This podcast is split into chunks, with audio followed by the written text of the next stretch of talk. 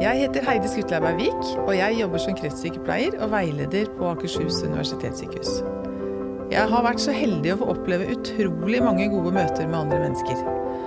Er det noe jeg virkelig brenner for, så er det at alle som ser andre, selv må våge å bli sett. I helhjerta ønsker jeg å finne ut av hva er det som skal til for å skape de gode menneskemøtene.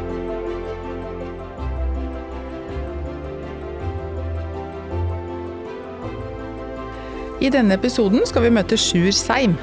Han er psykiater og fagsjef i Divisjon for psykisk helse her på Ahus. Sjur er en mann med mange tanker og erfaringer om livet. Vi snakker om bruken av diagnoser, tanker, følelser, nærvær og menneskets sjel. I Norge har vi i mange år vært kåra til det lykkeligste landet i verden.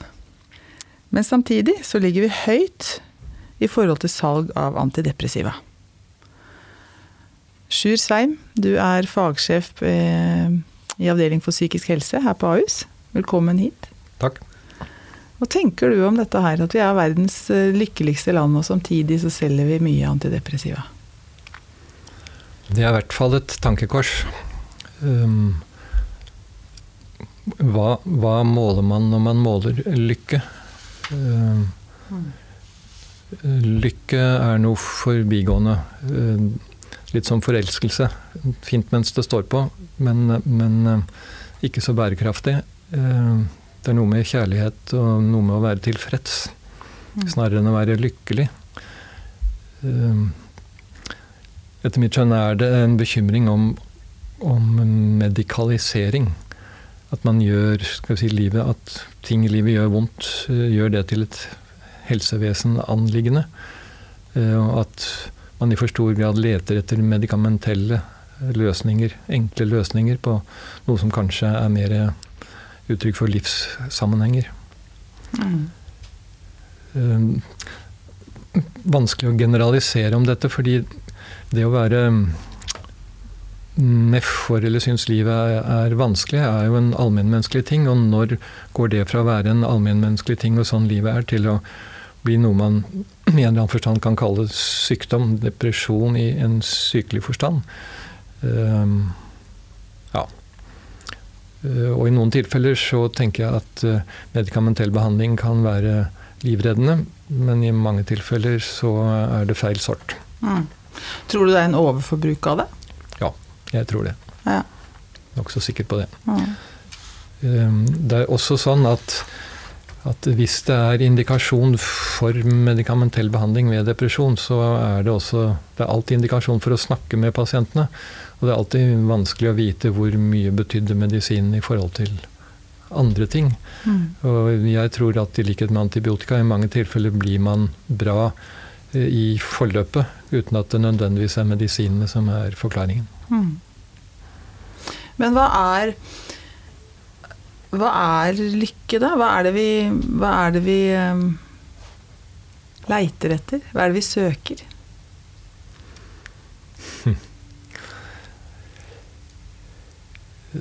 Det er to innfallsvinkler til dette. og Det ene er jo å se på skal vi si, mer sånn akademisk behovshierarki. Altså vi har grunnleggende fysiologiske behov den type ting. Når materiell trygghet er ivaretatt, så har vi behov for å utfolde oss, øh, vise våre evner. Øh, vi ønsker oss ting som smaker godt, lukter godt, øh, gjør godt. god sex, gode relasjoner. Mm. så det, det, er, det er igjen innfallsvinkel. Men men så tror jeg jo ofte at Nei, kanskje ikke ofte, men hvis dette er på plass, så kan det allikevel være en følelse at det er noe som mangler, og man vet ikke hva det noe er. Man ja. leter etter noe, men man vet ikke hva det noe er. Men det er en følelse av mangel. Ja. Og det tenker jeg har sammenheng med, med si, en manglende helhetsforståelse av hva livet i det hele tatt handler om. Altså det forunderlige at, at verden fins, mm. at livet fins, at vi fins. Eh, Prøysen skriver i eh, en av lørdagsstubbene sine om denne lille flekken inni huet som kalles je. Mm. Altså alle går rundt og er je. og er verdens midtpunkt, og hvordan har det seg at, at jeg er meg? Og det slår meg hver dag, eh, sånn i rushtid, på togstasjonen, på toget. Eh, Den enorme mengden skjebne Ja. eh, som går rundt. Mm. Eh, og jeg blir både imponert og, og blir litt sånn ut av meg, for jeg syns det er så sårbart. Jeg får så vondt av alle disse menneskene. Altså. Mm. Eh, de skal jo opp til samme avsluttende eksamen, hele gjengen. Mm. Eh, ja. Det tenker jeg mye på, faktisk. All den lidelsen, tenker jeg, da, ut fra mitt ja. ståsted. Mm. Uff meg så mye lidelse der. Ja. Ja. Men det er sikkert mange som også har det ganske bra. Fordi det å ha det på altså I forhold til det med salg av antidepressiva, da, så tenker jeg at eh, de som har behov for det, eh, og for å få det, de har jo eh, De opplever jo at hverdagen er strevsom og tung. Ja, for all del. Eh, tenker du at vi som medmennesker kunne gjort mer for hverandre? For å på en måte lette? Kunne det hjelpe noe? Eh, jeg tror jo at, at den følelsen av at noe mangler, mm, dels er savna å bli sett bekreftet, altså menneskelig påfyll, eh, relasjonelt påfyll. påfyll. Um, og det for mange av oss er det viktigste. mm. som vi opplever at mangler. Så tror jeg jo at når det går mot stengetid, så, så er eh, forståelsen av å være del av en større helhet eh, noe uforløst eh, i den retningen. Like vektig, men de to tingene henger, henger tett sammen. Det var, eh, det var et TV-program fra, fra norske fjellgårder inn i sånne fjordarmer, hvor de bare trakk opp stigen til eh, fjellhylla si når, når futen kom og skulle kreve inn skatt. Og der gled kameraet over veggen, og der var det en hustavle. Det, det var ikke noe del av programmet, det ble ikke kommentert, men på den sto det 'Vis barmhjertighet', for hver sjel har sin egen strid. Mm. Det syns jeg er eh, vakkert. Ja, det var vakkert. Vært, vært et eget program. Eh, Men vi Mm. ser hverandre for lite, bekrefter hverandre for lite. Ja. Så er det et pedagogisk poeng når vi først er her. Kjernesymptomet ved depresjon i sånn lege-psykologforstand er ikke å være nedfor. Kjernesymptomet er å miste interesse. Ja. Initiativ. Det at livet smaker, at, at, at det berører en, at en vil en. Og ikke minst i, i eldre alder. Jeg er alderspsykiater i bånn, som det heter. Mm. Um, så arter ofte depresjonen seg nettopp som at pasienten sier 'jeg føler ikke noe lenger, jeg bryr meg ikke om mine nærmeste lenger', og det gjør så vondt. Og det Mm. høres så rart ut å si at 'jeg føler ingenting', og det gjør så vondt, men det er det de sier. Mm. Eh, og, og det er det der at noe engasjerer oss, eh, først og fremst som blir skadelidende. Men igjen, det er mellommenneskelige relasjoner som vitaliserer Mm. eh, den interessen. Det å være noen for noen. altså Når ikke noen lenger savner det, så er det ikke lenger noe stort poeng å møte opp heller. For de fleste, altså. Mm. Og så er jo mengden, eh, intensiteten på det, altså hvilken form det har, Mm. eh, veldig forskjellig. Eh, og noen, noen trenger dette påfyllet veldig, veldig jevnlig. Mens andre tilsynelatende får de mindre doser, men bærer det med seg. Sånn at de aller fleste mennesker er, står i relasjonelle sammenhenger og, Mm. og, og lever av og med og på det, Mm. enten de erkjenner det eller ikke. Mm. Det er liksom noe med at det aller viktigste av alt det er å bli sett, og, og det å være en god seer tilbake. Tenker du det? For Ja, gode det, relasjoner. Ikke, sant, ikke minst i helsevesenet. Mange helse, helsepersonell har en selvforståelse at jeg vil så gjerne være noe for noen. Mm. Jeg syns det er så vanskelig å be om noe. Mm. Og, er det da sånn at det er saligere å gi enn å ta? Um, Kirkegård skriver at eh, hvis det er saligere å gi enn å ta, så må det saligste være å ta imot, for da bereder du andre mennesker den største salighet. Men begge deler er feil, for det er gjensidigheten som er greia. Det er gjensidigheten som er greia, og det er verken å gi eller å ta imot. Det er samhandlingen om Ja. å gi og ta imot Ja. som er det forløsende. Ja. Og i det ligger jo å bli sett, bekreftet, Mm. Og til syvende og sist noe som si, går utover det du fanger i språk. Mm. Dette er noe man gjør og er og lever, Ja. primært. Og, da, og da, da tenker jeg litt også på dette med empati. Da, for jeg tenker Hvis du skal få til de relasjonene der, så må man jo øh, Det sier også Kirkegård, faktisk, at eh, dette Eller han, han sier ganske mye rundt dette her med å forstå hva den andre forstår. Ja. Uh, og da tenker jeg at det må til en viss grad av forståelse av seg selv, da. Ja, For å forstå hva den andre forstår. Og da begynner det å bli litt eh, heftig. ja. Men hva- samtidig ganske enkelt. Men, men hva er det å forstå? Fordi En ting er å forstå i tankemessig forstand og kunne sette ord på. Ja. En annen ting er å forstå i følelsesmessig forstand og bekrefte på en følelsesmessig bølgelengde. Fordi dette er et komplisert foredrag, men bevisstheten håndterer 40 bits i sekundet, synsnerven håndterer 10 millioner. Mm. Så at veldig mye bæres på andre kanaler enn det du kan redigere med ord. Eh, Skoleeksempelet er når barn blir lei seg, og foreldre rykker ut og sier det er ikke noe å være lei seg for. Mm. Det er alltid feil. Hvis et barn blir lei seg, så er det grunn til å bli lei seg. Mm. Eh, Og når barn ofte lar seg trøste av idioter, av foreldre som sier det er ikke noe å være lei seg for, så er altså det fordi barnet ser at noen ser at de er lei meg. Noen rykker ut på det, noen vil meg vel. Voksne snakker vanligvis tull, så det får vi se litt styr på denne gangen også. Og så virker det trøstende å si det er ikke noe å være lei seg for, enda det er det eneste som helt sikkert er feil. Ja. Hva skal man si? Det er det ikke noe riktig svar på. Man skal rykke ut. Man skal bry seg om. Mm. Eh, Ble du lei deg nå? Eller hva ble du lei deg for? Ja. Det er så sant. Ehm, når vi snakker om også dette her med nærvær, eller dette her med, med empati, så er det jo f- Jeg jo, eh, snakker veldig mye om akkurat dette her med, med empati og, og empatisk kommunikasjon og nærvær i min, i min hverdag.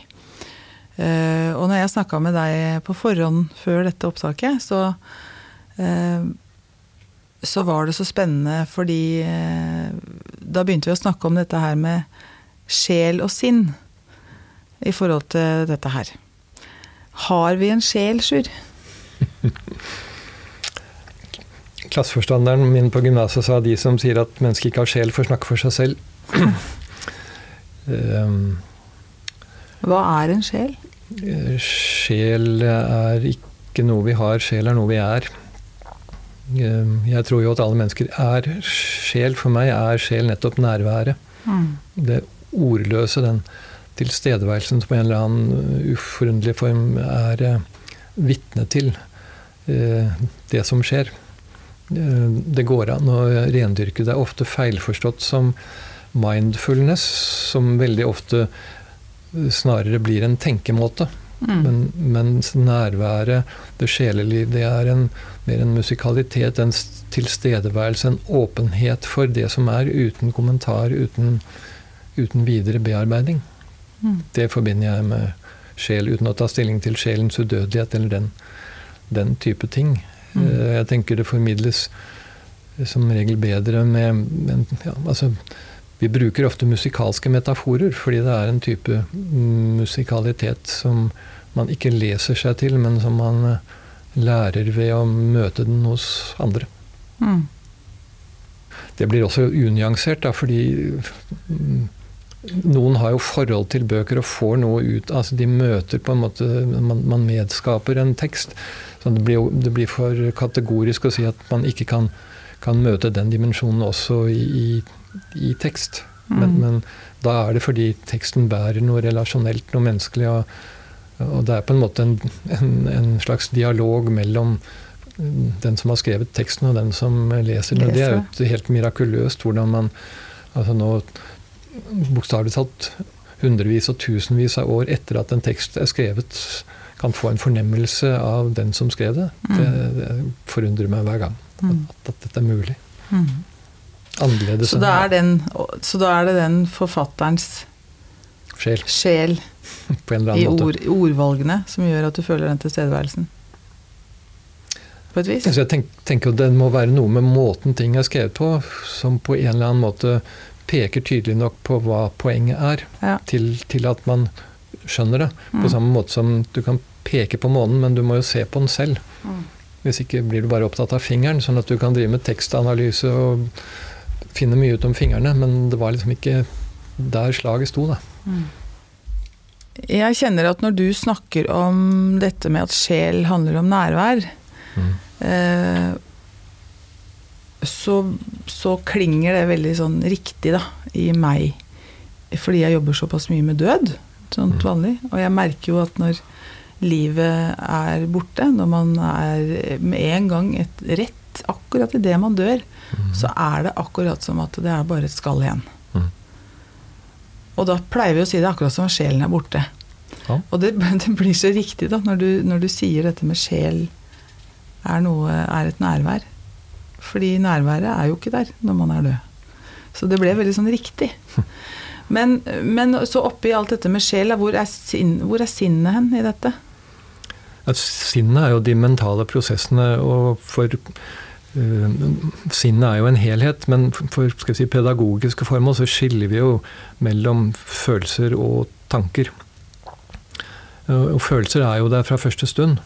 Uh, alle pattedyr er utstyrt med i prinsippet de samme åtte-ti grunnaffektene, som handler om å være interessert i ting, ha lyst på ting, bli redd for ting, bli sint for ting. og å leke. Ja. Leke er også ja, er en del av dette. Men, men, hva av dette som er aktuelt? Altså det må være trygt uh, for at vi skal leke. Mm. Uh, hvis man introduserer kattelukt i et bur med smågnagere, mm. så tar det et døgn før de begynner å leke igjen. Oi. Sånn at uh, utrygghet virker jo styrende. Men dette affektsystemet, det er jo liksom det første systemet vi har som helt nyklekkede for å for å vite uh, hva vi vil og hva vi ikke vil. Men mm. så kommer jo språket, og så blir det mulig å sette ord på dette et stykke på vei. Mm. Og affektbevissthet, altså være seg selv bevisst. Er jeg nå sint? Er jeg redd? Er jeg trygg? Type ting. Uh, gir jo en veldig handlekraft, men, men det kommer jo alltid i etterkant. altså I øyeblikket er det affektene som er der. Alt du tenker, er like etterpå selv om det er kort tid etterpå. Da er vi litt tilbake til nærværet. Affektene, så mener du følelsene? Ja. Eller, ja. ja. Mm.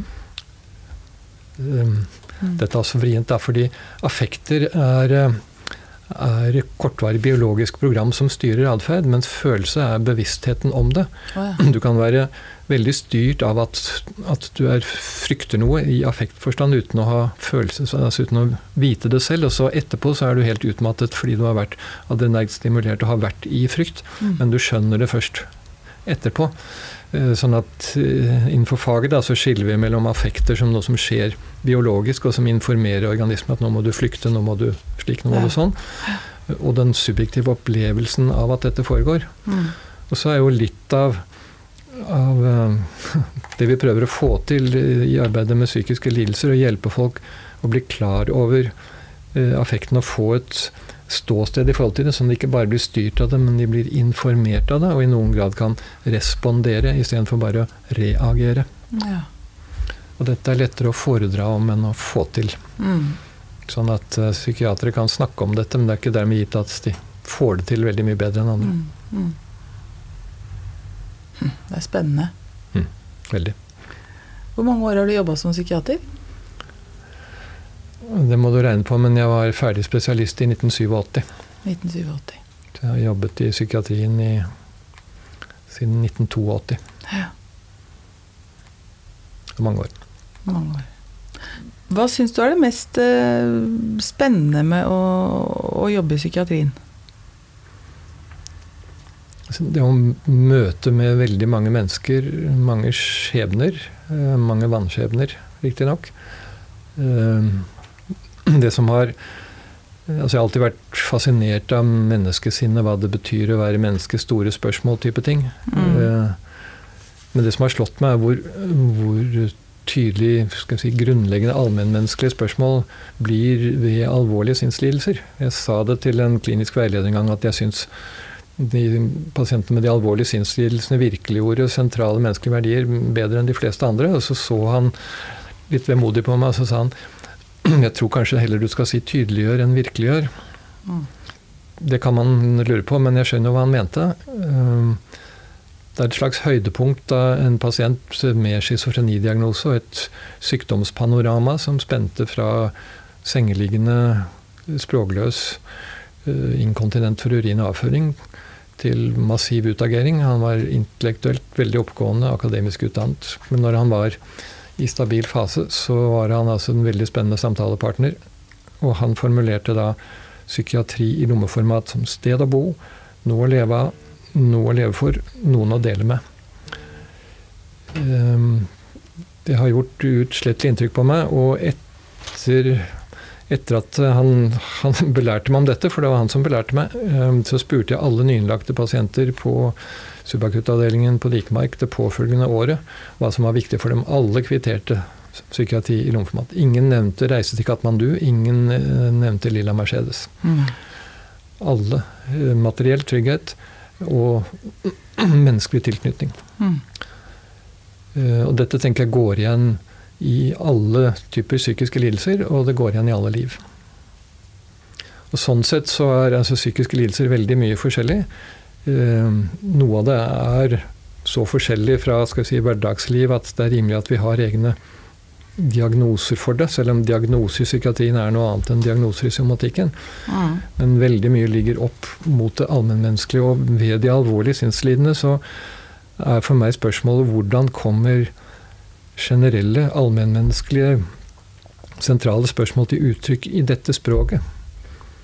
Altså, I psykotisk tankeinnhold, hvordan kommer ønsket om trygghet, tilhørighet, eh, at noen ser meg, at det er noen der?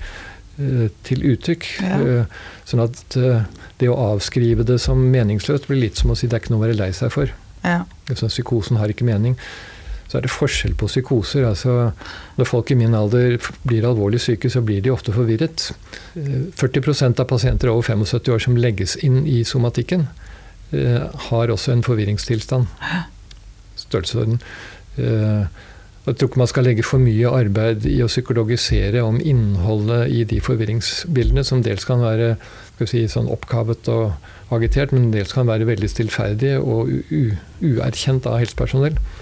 Eh, når det blir min tur, så skal ingen være i tvil. Jeg vet åssen jeg skal få hjelp. Hvordan skal du få hjelp? Jeg skal bli urolig. da får du fortest hjelp? Jeg skal gjøre mye ut av meg. Men, men, men, men poenget mitt er Eh, altså Når det er si, somatisk sykdom som er drivere, så, så, skal man rydde opp i somatikken og ikke drive og psykologisere over hva dette betyr. Men, men, eh, men når vi er over i, i mer schizofrenilignende tilstander og den type ting, så tenker jeg spørsmålet er hvordan kommer ting vi alle forstår er opptatt av, til uttrykk mm. i disse symptomene i denne lidelsen. Mm. Eh. Hvordan, hvordan kan det komme til uttrykk? Altså Psykotisk tankeinnhold ligner jo på mange måter på drømmer. Mm. Uh, og logikken er den samme. Uh, dette er et langt og vanskelig foredrag, men, men, drømmer har en logikk. Freud beskrev den i sin bok om drømmetydning, og den logikken lar seg avbilde stringent matematisk for dem som holder på med sånt. Mm. Eh, og, og, den type logikk fungerer jo ikke i vår våkne virkelighet, men den sier noe om, om relasjoner og viktige, viktige, forhold i livet. Det er jo sånn at ja, Dette tar jo helt av, men i vår våkne virkelighet så er veldig mange relasjoner asymmetriske. Hvis jeg er lenger enn du, deg, så er du kortere enn meg. Mm. Eh, hvis eh, jeg er sterkere enn deg, så er du svakere enn meg. Mens i drømme så er mange relasjoner symmetriske. Altså jeg er snill mot deg, du er snill mot meg. Wow. Jeg er sint på deg, du er sint på meg. Mm. Jeg er større enn deg, du er større enn meg. Okay. Den generaliseringen virker jo i noen sammenhenger i vår våkne virkelighet, men i andre sammenhenger så virker den ikke i det hele tatt. Så når man kjører bil og skal betale regninger og sånn, så er det et regelsett som gjelder. Men i drømme, og for så vidt i dagdrømmer, eh, så er vi langt inne i samme type tankeprosesser som styrer sinnet eller som sinnet er styrt av eh, i psykose. Og forskjellen på da å være psykotisk og være upsykotisk er jo et stykke på vei, da. Eh, at ut, ut av den drømmelignende grauten eh, kan vi som ikke er psykotiske, hente fornuftig, virkelighetsforankret tenkning. Mm. Mens er man psykotisk, så er man på en måte fanget i sin egen drømmeverden. Mm. Et stykke på vei. Mm. Og så kan jo det være totalt, eller det kan være mm. mer avgrenset. Og hvis du nå tar en løpende utskrift av din egen indre monolog fra vi går fra hverandre nå resten av dagen, publiserer den, så vil man jo være forundret over at det kan komme så mye velordnet og fornuftig mm. ut, av, ut, av, det som surrer og går hele tiden. Men igjen, da. Tankeinnholdet eh, er en forsvinnende liten del av totaliteten. Så det er jo nærværet og væremåten som er oss, mm. ikke tenkningen. Så når man er i den kaotiske tilstanden som psykose er ofte, er det alltid kaotisk å være psykotisk? Eller kan det, det være en ro det er og en farlig, fin farlig å generalisere, og det er definitivt farlig å generalisere om psykoser, for det kan jo være alt fra en måte å Eller det kan fortone seg utenfra som en måte å, å rydde opp i verden på. Ja. Eh, og så har man et fasttømret paranoid system som forklarer hvordan ting henger sammen. Og riktignok er det ting man må passe seg for, og ting man er sint for, men ting er ryddet opp. Eh, og det er jo en slags eh, ro i det. Mm.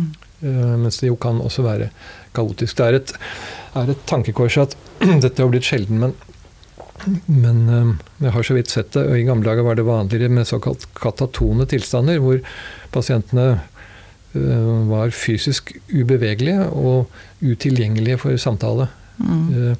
Og den reaksjonen minner om, om atferd hos dyr. Altså ikke når rypemor spiller skadet og prøver å avlede fra hvor ungene ligger, mm. men når de spiller død. Mm. Fordi ordentlige rovdyr, ikke sånne som mennesker, de spiser bare når de er sultne. Så Hvis du kan overbevise et mett rovdyr om at du er død, så blir du ikke drept en gang til. Da kan du løpe og pare deg, og så lever du videre. Så det er overlevelsesverdi. Um, og mennesker som spiser når de er mette. Um, det er ikke sant. Um, men, men, det illustrerer for meg at det å være psykotisk har en, en, en, altså en Føle seg truet på livet, være forferdelig redd. Dimensjon ved seg, enten pasienten har kontakt med det mm. eller, eller, ikke. Og det er jo et tankekors at etter en kataton episode kan pasientene, kunne pasientene regelmessig fortelle alt som hadde foregått. Så ja. at de ikke var til stede i indre forstand, men de var ikke tilgjengelige i ytre forstand. Nei. Men den frysreaksjonen tror jeg er en eh, arv fra vår tilværelse som byttedyr for, mm. eh, for andre predatorer. Mm. Så en god måte å møte mennesker som er enten veldig redde, har angst, eller om det er psykotisk, eller, om det, eller hva det nå enn måtte være, er den, er den viktigste måten å være på det å være rolig og til stede? Er det det som gir, er det det som gir tillit hos mennesker som sliter? Så det som gir tillit, er å være altså er å ville sine medmennesker vel og være oppriktig til stede. Oppriktig til stede. Eh, og hvis situasjonen ikke er trygg for deg som behandler, da må du være oppriktig om din utrygghet, for mm. pasienten vil se det, om ingen andre ser det. Mm. For jo mer presset vi er, jo mindre lar vi oss imponere av hva du sier, og jo mer blir vi styrt av hva du formidler nonverbalt, nonverbalt mm. med det som er inni deg. Og hvis du er redd og ikke setter ord på det, så formidler du både at du er redd, og at det er farlig å være redd. Hvis du er sint, eh, det er farlig å være sint, og det er så farlig at vi ikke engang kan snakke om det, istedenfor å sette ord på og skal vi si, indirekte undervise om at er det sånn vi gjør når vi er sinte? Er det sånn vi gjør når vi er redd? Mm. At det ikke er farlig. Dette er også lettere å foredra om. enn å ja, men det er så innmari viktig. Det er så viktig. For da kommer du igjen inn på det med relasjoner, da. Gode relasjoner. Ja. Eh, og du, du har eh, skrevet Du har jo skrevet masse. Jeg har jo lest eh, eh Googla deg litt. Det ligger jo masse artikler, og det ligger jo masse skrevne ting av deg. Eh, og du har også gitt meg noe, noe her, og, og, noe av det fineste, eller klokeste jeg syns du har skrevet om, det er kjennetegnet på gode relasjoner er ikke at alt går bra. Kjennetegnet er at når noe ikke går bra, så blir det tatt tak i på en god måte. Dette Og det tenker jeg må jo handle om dette her med å være ekte. Ja. Dette er eh, Dette var jeg var leder på akuttavdelingen, altså akuttpsykiatrisk avdeling her noen år. Og det var lederfilosofien min. Mm. Uh, og altså kjennetegn på et godt behandlingsmiljø. For behandlingsmiljøet i, i døgnavdelinger i psykiatrien er det jo mm, det mellommenneskelige miljøet i hele personalgruppen som er, er det grunn, grunnmuren i det arbeidet du får til eller ikke får til sammen med pasienten. Og, og da Vanlige mennesker, sånn som du og jeg, har ikke noe å lære av å komme i et miljø hvor alt går greit. Mm. Men vi har mye å lære av å komme i et miljø hvor ting ikke går så greit, for det minner litt om livet. Men når det ikke går greit, så er det en god kultur for hvordan man da tar tak i det. Og Det kan handle om å ta time-out, og det kan handle om å sette ord på, det kan handle om uh, å innrømme feil, uh, romslighet for at andre kan gjøre feil, være opptatt av hva vi kan få til for å komme videre. Tilgi, ikke glemme. Men, ja, tilgi, ikke tilgi. Mm. De som holder regnskap med 'nå er det min tur til å ta igjen', har ikke skjønt dette med tilgivelse. De som ikke tilgir, har heller ikke skjønt at de låser seg selv uh, i noe. Dette er, dette er, selvfølgelig vondt for den som ikke blir tilgitt. Mm. Kanskje, kanskje ikke.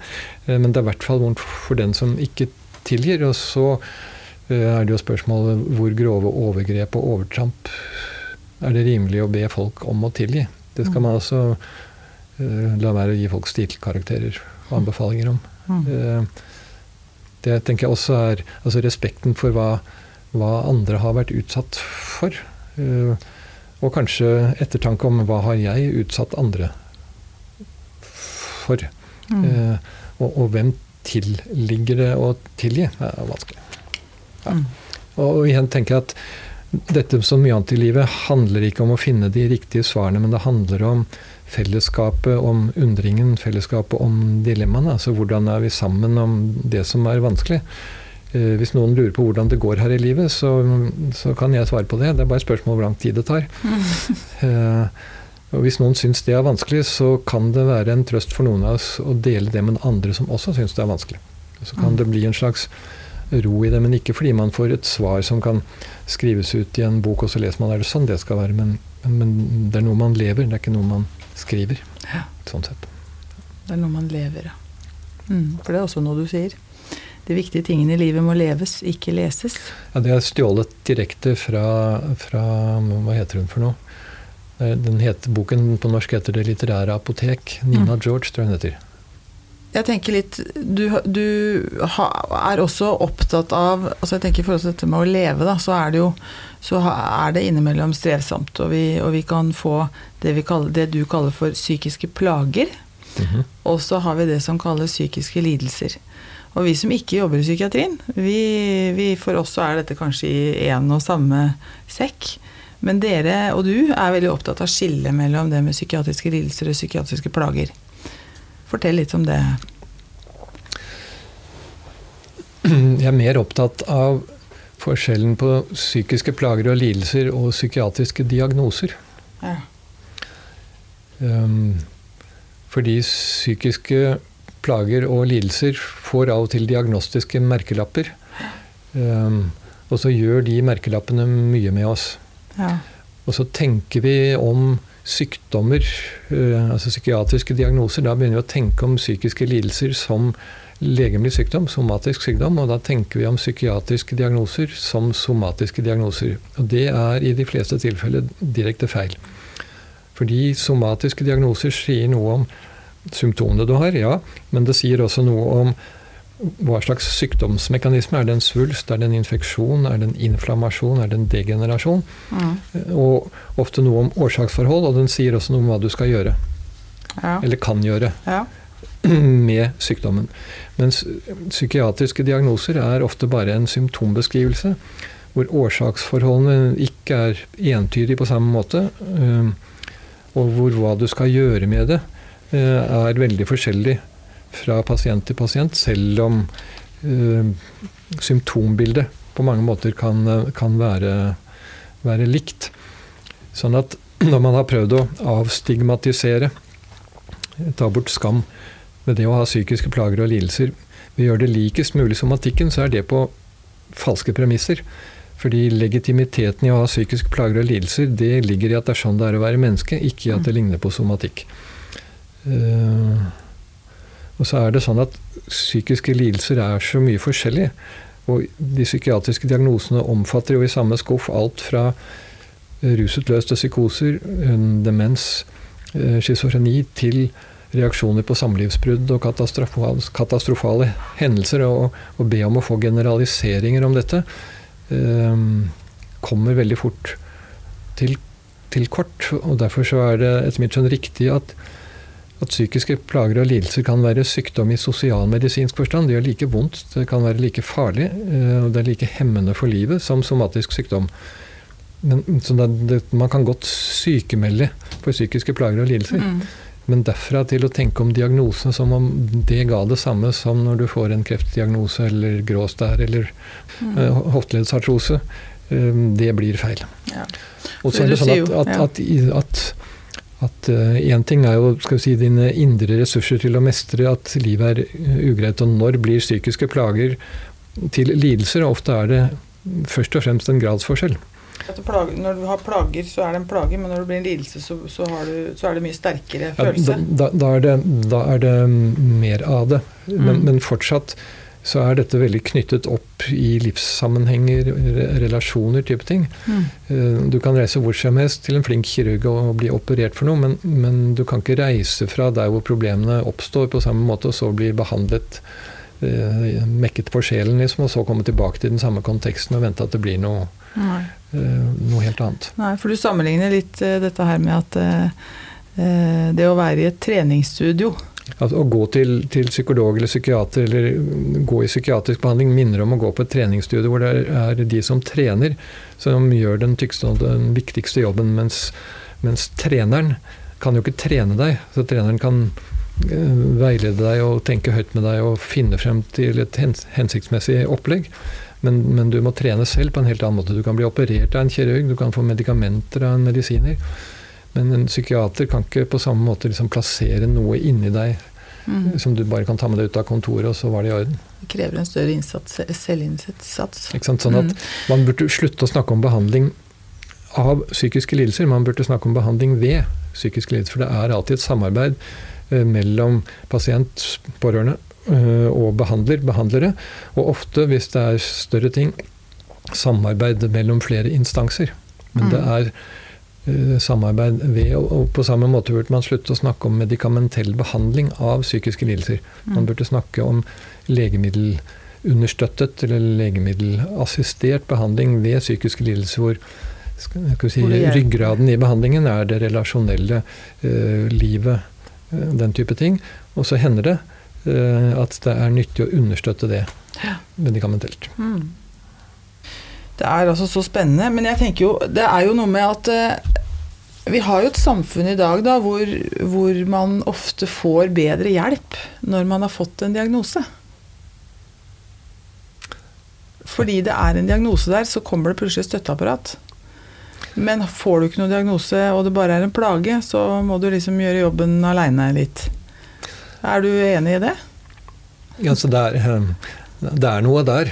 Ja. Uh, og det er jo også noe med diagnoser i forhold til trygdeytelser. type ting. Altså Det er jo økonomi i dette også, som, som blir en, en, driver. Og på den tredje, fjerde, femte side uh, altså Hvis du blir nedstemt fordi du er arbeidsledig, mm. uh, skal du da ha en depresjonsdiagnose, og skal du i den leia, eller er dette egentlig et samfunnsanliggende som skulle håndteres på en helt annen måte? Mm.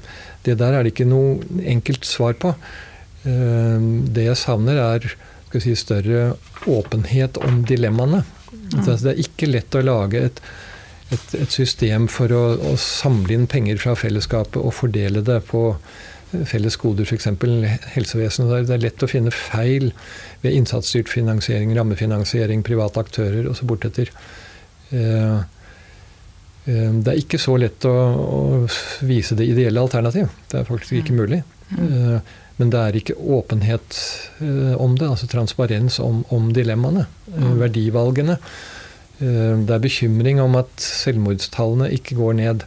Eh, og man leter etter hva man skal gjøre annerledes og mer i helsevesenet. Men når det gjelder tiltak som forebygger psykiske lidelser, og som styrker befolkningshelsen, så ligger jo det i god barnehavedekning, skole, sysselsetting, mm. i samfunnsmessige forhold. Og dette er, er redegjort for i en rapport fra Folkehelseinstituttet fra ti år tilbake.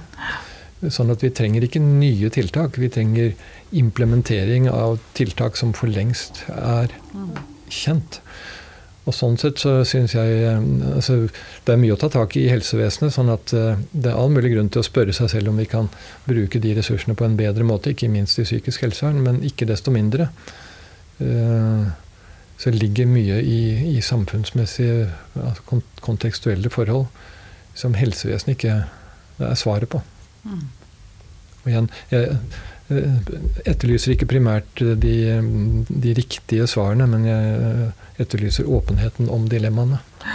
At helseministeren kunne være tydeligere på hva som er vanskelig, istedenfor å forsikre om at her er det tiltak, og her skal det tas. Mm. Men.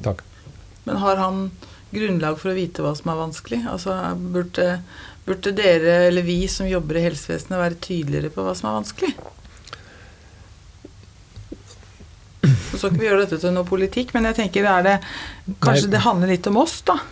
Jeg tror jo at, at, ettertidens dom over dagens psykiatri ikke primært vil bli at man forskrev for mye psykofarmaka, for det gjorde vi. Um, men at vi var um, for usynlige som aktører i samfunnsdebatten. Mm. Uh, Apropos det, er, er, um, er fortsatt psykiatri er det fortsatt skambelagt? Er det ja. Er det lav Altså det, Psykiatri konkurrerer jo på, i, i bunnsjiktet i en, en sånn jevnlig undersøkelse av statushierarkiet eh, blant sykdommer. Og der er jo altså hud og revmatisme og psykiatri kjemper om, om, om de siste plassene. Helt nederst. Så det har lav status. Uh, innenfor medisinstanden. Men, men eh, i min erfaring er det, er det, skambelagt å ha psykiske plager og lidelser. Og, og det er um, Altså den, den si, folkelige tilnærmingen om å ta seg sammen. Mm. At det er noen som på en måte, det er en karakterbrist at du ikke tar deg sammen. Mm. Det må vi snart slutte å si. Du må ta deg sammen. Eller? Hva tenker du om det? Det er en balanse i det også. Ved Samhandlingsreformen så, eh, så, så hadde vi møte med Det var i Groruddalen. Og vi skulle ta frem liksom et eksempel på en suksesshistorie. Og det var da en mann som hadde fått schizofrenidiagnose. Eh, som, og det hadde gått bra med ham. Mm. Og så var det spørsmål hva var suksessfaktorene. Så han det var tre ting. Det første var dere hørte på meg og tok det jeg sa, alvorlig. Apropos å prøve å forstå istedenfor å sortere ut hva som er meningsløst. Det er ikke noe å være lei seg for.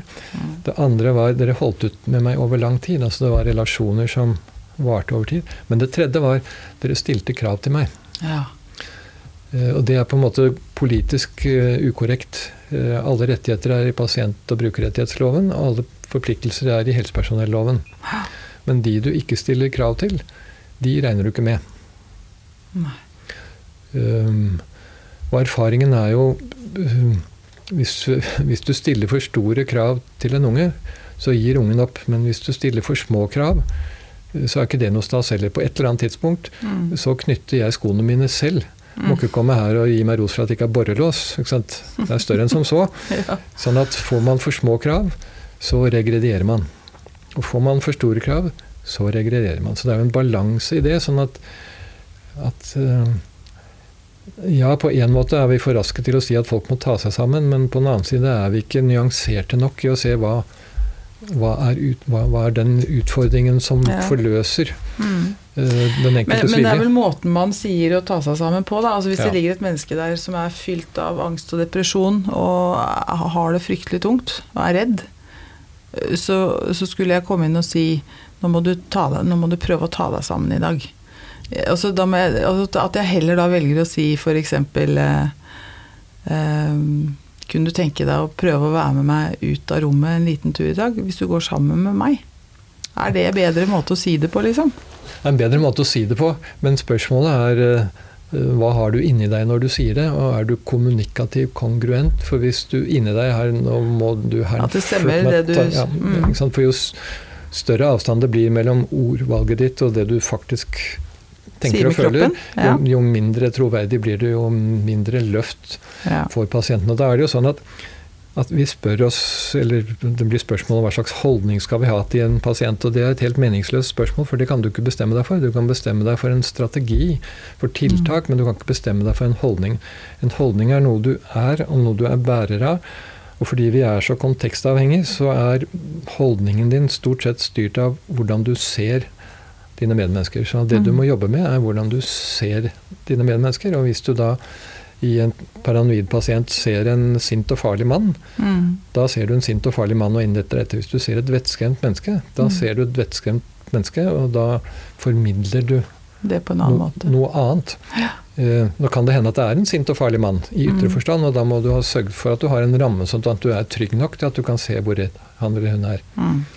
Mm. Eh, for det, altså, det må ikke liksom romantisere bort at det kan være mer armer og bein enn det er greit å håndtere ja. i psykiatrien. Selv om mm. det ikke er hovedinnholdet på noen måte. Um, du, det er en ting jeg alltid har lurt på. Jeg vokste opp i psykiatri da, med foreldre som, eller pappa som har jobba i psykiatri. Eh, og, og, jeg husker jeg lærte da jeg var veldig liten. Vi, vi bodde på et eh, Vi bodde jo ikke på, på det psykiatriske sykehjemmet, vi bodde like ved, og jeg, og jeg var mye der.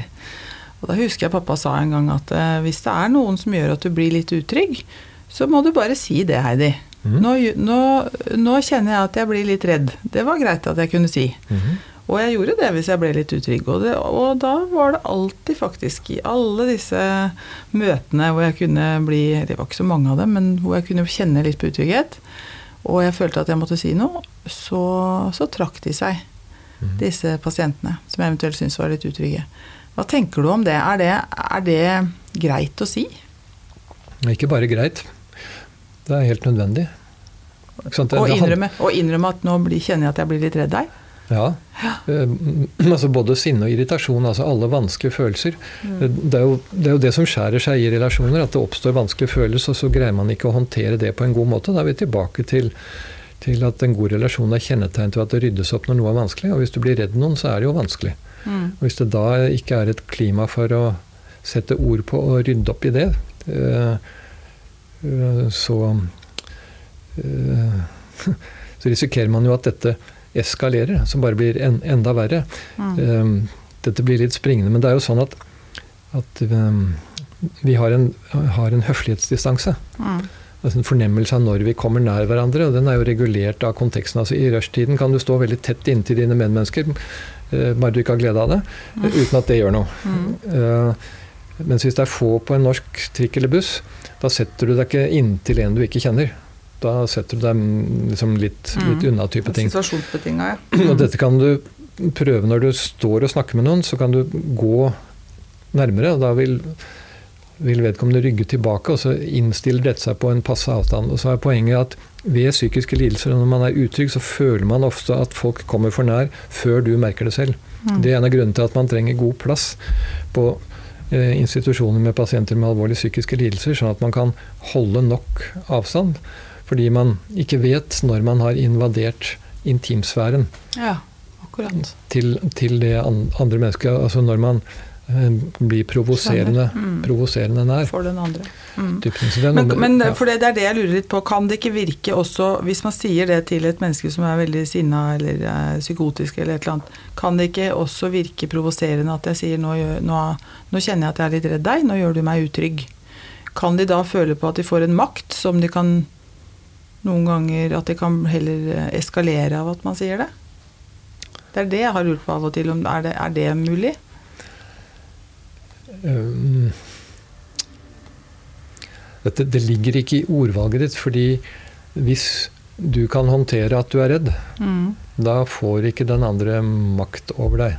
Okay. Da ligger nok dette mer over i personlighetsmessige forhold enn egentlig i det psykotiske. Altså man kan jo være mm. så psykotisk at man er overveldet eh, av sin frykt og redsel og ikke ha kontroll. Og mm. da kan jo ting bli farlig uten at det er styrt i det hele tatt. Mm. Så at å si at dette er alltid klokt å si, dette er ikke klokt å si, det går ikke. Mm. Um, men, men makten, makten, ligger jo ligger i din trygghet i at dette er greit. Ja. Og lydhørheten for det som skjer. Det som skjer Og hvis mm. det er sånn at det faller i dårlige ord, da må jo det kommenteres. Mm.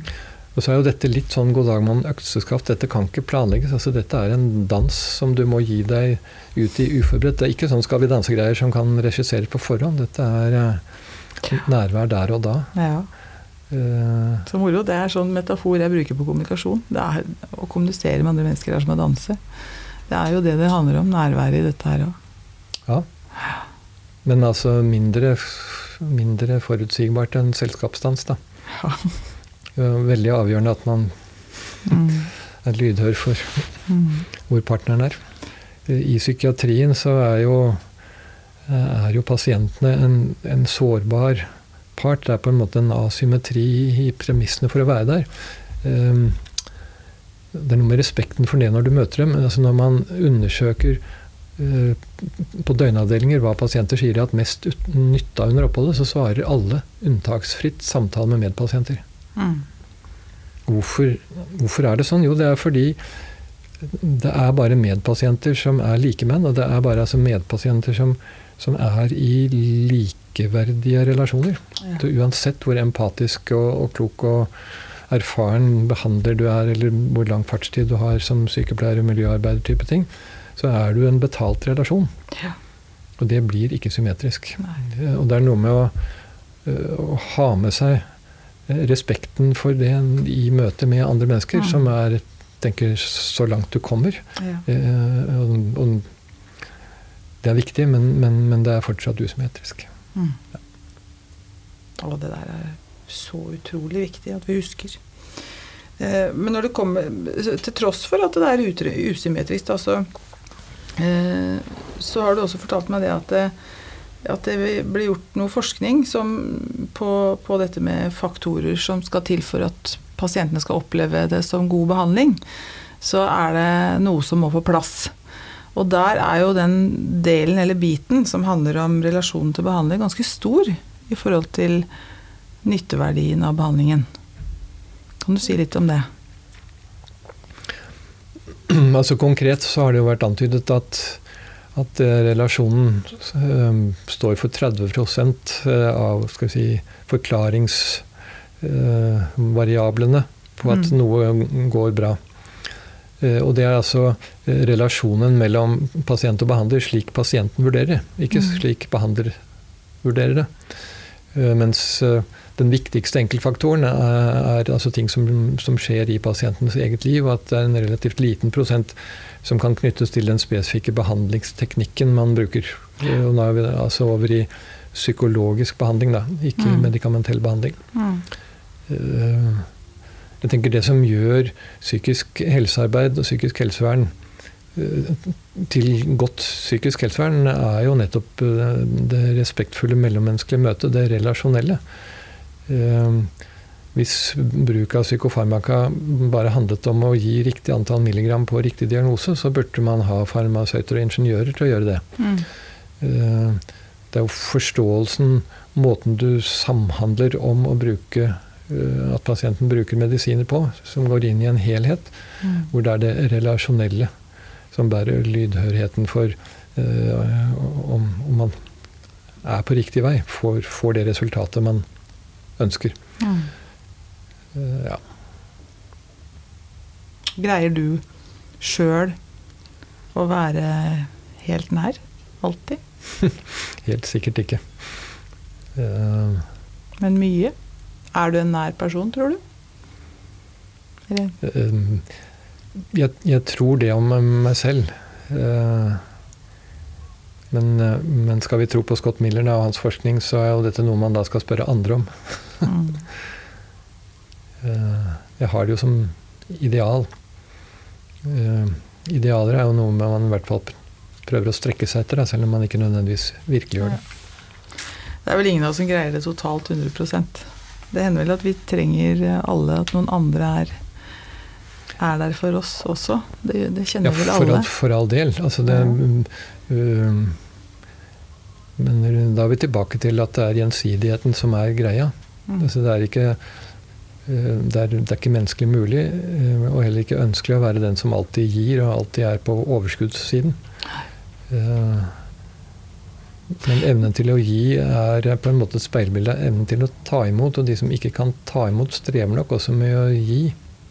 De yter nok, men, men gir de? Mm. Eh, eller fører de et slags indre regnskap for hva jeg nå bør få? Mm. Få til gjengjeld, enten fra deg eller fra systemet eller mm. et eller annet sted fra.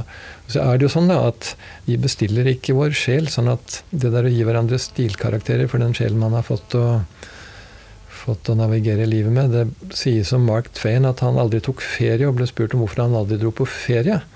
Og da skal Mark Twain ha svart at eh, det, det skulle jeg gjerne gjort med dette herser med at jeg alltid må ha med meg Mark Twain. ja, får aldri tatt ferie, Johanne. Nei. Men du, Sjur. Eh, du er jo mer enn psykiater. Eh, du er Jeg vet at du er glad i musikk. Du kommer fra en musikalsk familie. Mm. Du spiller instrumenter selv. Mm. Hva, hva, spiller du? Ja. Piano og gitar. Til, er, til husbruk. Ja.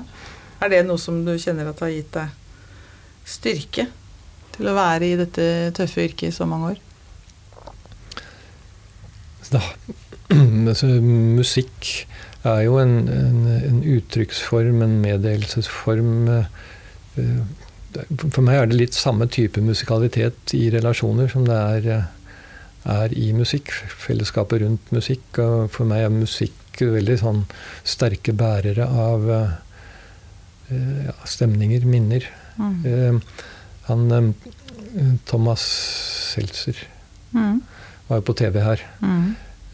Han sa jo noe om stemningskongruent musikk. Og advarte mot å høre på trist musikk når man var nedfor Mm. Jeg er glad i trist musikk og har merket meg hans råd. du føler ikke at du blir enda tristere av å høre trist musikk? Eh, jeg har ikke tenkt sånn om det. Og så er det sånn, da, at så lenge interessen er der, så lenge engasjementet er der, så er ikke det å være trist nødvendigvis noen svøpe. Og det er jo sånn at eh, det er mye i livet som er grunnleggende trist, og vi vil ikke ønske det annerledes. Erika Young, hun med 'Fair of Flying', har skrevet noe dikt om hunder. Jeg, familien er hundemennesker. Vi er mm. fjell- og hundemennesker. Jeg er familiemann og hundemenneske. Fjellmenneske. Um, at hunder kommer inn i vårt liv for å lære oss om kjærlighet, og de forlater oss for å lære oss om tap. En ny hund erstatter ikke en gammel hund. Eh, den utvider hjertet. Ja. Eh, sånn Så at fint, vi Ja, ikke sant? Rampejenta. Eh, vi gråter over hunder vi har mistet, og vi ville ikke ha det annerledes. Mm. Det, er noe, det, er ikke noe, leit med det. Det er, det er ikke depressivt. Nei, det er normalt. Det, er, dyrebart. Mm. Er, ja. Så fine ord. Du gjør andre ting òg, du. Du er, du er, både musikalsk, og du er dyp, og du er glad i hunder, og du er veldig familiemann, og så kjører du motorsykkel. Ja. Er, du er litt sånn uh, macho òg, du. det er egentlig et gammelt opp, ungdomsopprør fordi det var strengt forbudt med motorisert tohjuling i min oppvekst. Så jeg turte ikke å ta lappen før jeg var 30 år og hadde flyttet 50 eh, mil hjemmefra.